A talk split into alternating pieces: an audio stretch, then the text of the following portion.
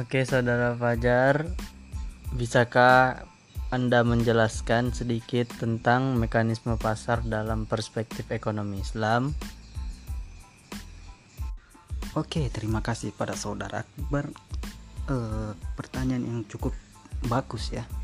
Mungkin langsung saja kita jawab.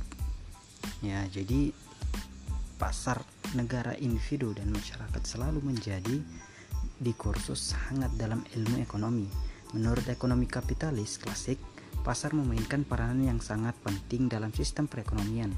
Ekonomi kapitalis menghendaki pasar bebas untuk menyelesaikan permasalahan ekonomi, mulai dari produksi, konsumsi, sampai distribusi. Semboyan kapitalis adalah laissez-faire et laissez le monde faire de lui-même biarkan ia berbuat dan biarkan ia berjalan. Dunia akan mengurus diri sendiri. Maksudnya, biarkan sajalah perekonomian berjalan dengan wajar tanpa intervensi pemerintah. Nanti akan ada suatu tangan tak terlihat yang akan membawa perekonomian tersebut ke arah equilibrium. Jika banyak campur tangan pemerintah, maka pasar akan mengalami distorsi yang akan membawa perekonomian pada ketidakefisiensi dan ketidakseimbangan. Nah, menurut konsep tersebut, pasar yang paling baik adalah persaingan bebas, sedangkan harga dibentuk oleh kaidah supply and demand. Prinsip pasar bebas akan menghasilkan equilibrium dalam masyarakat, di mana nantinya akan menghasilkan upah yang adil, harga barang yang stabil, dan kondisi tingkat pengangguran yang rendah. Untuk itu, peranan negara dalam ekonomi sama sekali harus diminimalisir sebab ekonomi negara turun campur bermain dalam ekonomi hanya akan menyingkirkan sektor swasta sehingga akhirnya mengganggu equilibrium pasar. Maka dalam paradigma kapitalisme, mekanisme pasar diyakini akan menghasilkan suatu keputusan yang adil dan arif dari berbagai kepentingan yang bertemu di pasar para pendukung paradigma pasar bebas telah melakukan berbagai upaya akademis untuk meyakinkan bahwa pasar adalah sebuah sistem yang mandiri. Sementara itu, sistem ekonomi sosialis yang digambarkan oleh Karl Marx menghendaki maksimasi peran negara. Negara harus menguasai segala sektor ekonomi untuk memastikan keadilan kepada rakyat mulai dari demand of production sampai mendistribusikannya kembali kepada buruh sehingga mereka juga menikmati hasil usaha. Pasar dalam paradigma sosialis harus hasil harus dijaga agar tidak jatuh ke tangan pemilik modal yang serakah sehingga monopoli dan melakukan eksploit, eks, eksploitasi tenaga buruh yang lalu memanfaatkannya untuk mendapatkan profit sebesar-besarnya. Karena itu equilibrium tidak akan pernah tercapai. Sebaliknya, ketidakadilan akan terjadi dalam perekonomian masyarakat. Negara harus berperan signifikan untuk mewujudkan equilibrium dan keadilan ekonomi di pasar. Menurut paham ini, harga-harga ditetapkan pemerintah, penyaluran barang dikendalikan oleh negara, sehingga tidak terdapat kebebasan pasar. Semua warga masyarakat adalah karyawan yang diwajibkan untuk memproduksi penurunan kemampuannya dan akan diberi upah menurut kebutuhannya. Seluruh kegiatan ekonomi atau produksi harus diusahakan bersama. Tidak ada usaha swasta. Semua perusahaan, termasuk usaha tani, adalah perusahaan negara. Apa dan berapa yang diproduksikan ditentukan berdasarkan perencanaan pemerintah pusat dan diusahakan langsung oleh negara. Kedua ajaran sistem perekonomian di atas cukup berkembang dalam pemikiran ekonomi kontemporer. Nah, langsung kepada inti dari pertanyaan kita itu mekanisme, pasar perspektif perfect, perspektif Islamnya. Nah, ekonomi Islam memandang bahwa pasar negara dan individu berada dalam keseimbangan. Istishad tidak boleh ada subordinat sehingga salah satunya menjadi boleh ada subordinat sehingga salah satunya menjadi dominan dari yang lain. Pasar dijamin kebebasannya dalam Islam Pasar bebas menentukan cara-cara produksi dan harga.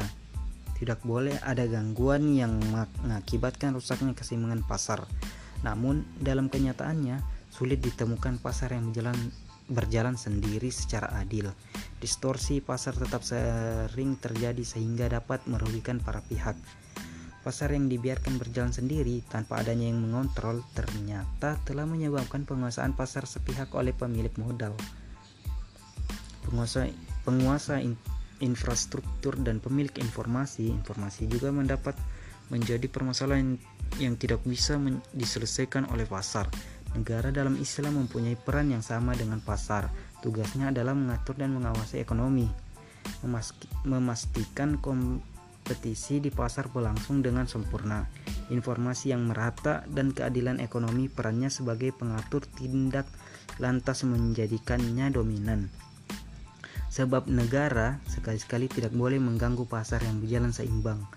Perannya hanya diperlukan ketika terjadi distorsi dalam sistem pasar. Konsep mekanisme pasar dalam Islam dapat dirujukan kepada hadis Rasulullah SAW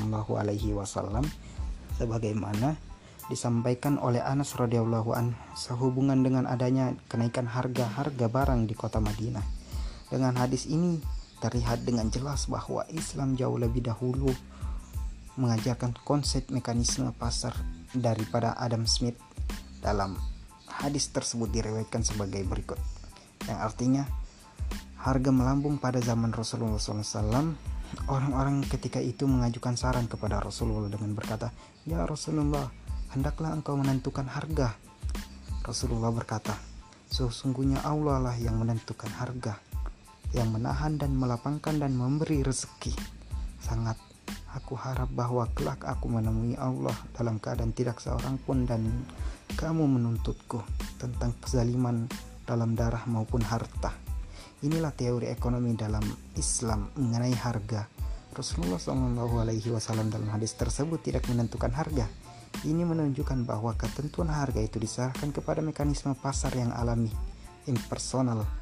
Rasulullah menolak tawaran itu dan mengatakan bahwa harga di pasar tidak boleh diterapkan karena Allah lah yang menentukan.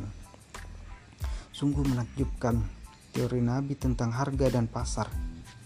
Menurut pakar ekonomi Islam kontemporer, teori inilah yang diadopsi oleh bapak ekonomi barat Adam Smith dengan nama teori invisible hand Menurut teori ini, pasar akan diatur oleh tangan-tangan tidak kelihatan, bukan teori invisible hand itu lebih te tepat dikatakan God hand, tangan-tangan Allah maksudnya.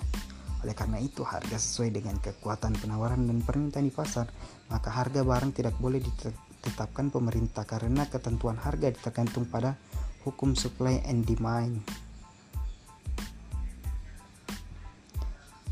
Namun demikian, ekonomi Islam masih memberikan peluang pada kondisi tertentu untuk melakukan intervensi harga bila para pedagang melakukan monopoli dan kecurangan yang menekan dengan merugikan konsumen. Sedangkan intervensi dari sisi demand dilakukan dengan menanamkan sikap sederhana yang menjauhkan diri dari sifat konsumerisme. Interferensi pasar juga dilakukan dengan pengawasan pasar kisbah dalam pengawasan pasar ini Rasulullah menunjuk saat Said bin Said ibn As sebagai kepala pusat pasar Muhtasib di pasar Mekah. Penjelasan secara luas tentang peranan wilayah hisbah ini akan dikemukakan belakangan. Nah mungkin sedikit itu sedikit dari jawaban saya. Eh, mungkin kurang dan lebihnya mohon dimaafkan. Wabila taufik wal hidayah. Assalamualaikum warahmatullahi wabarakatuh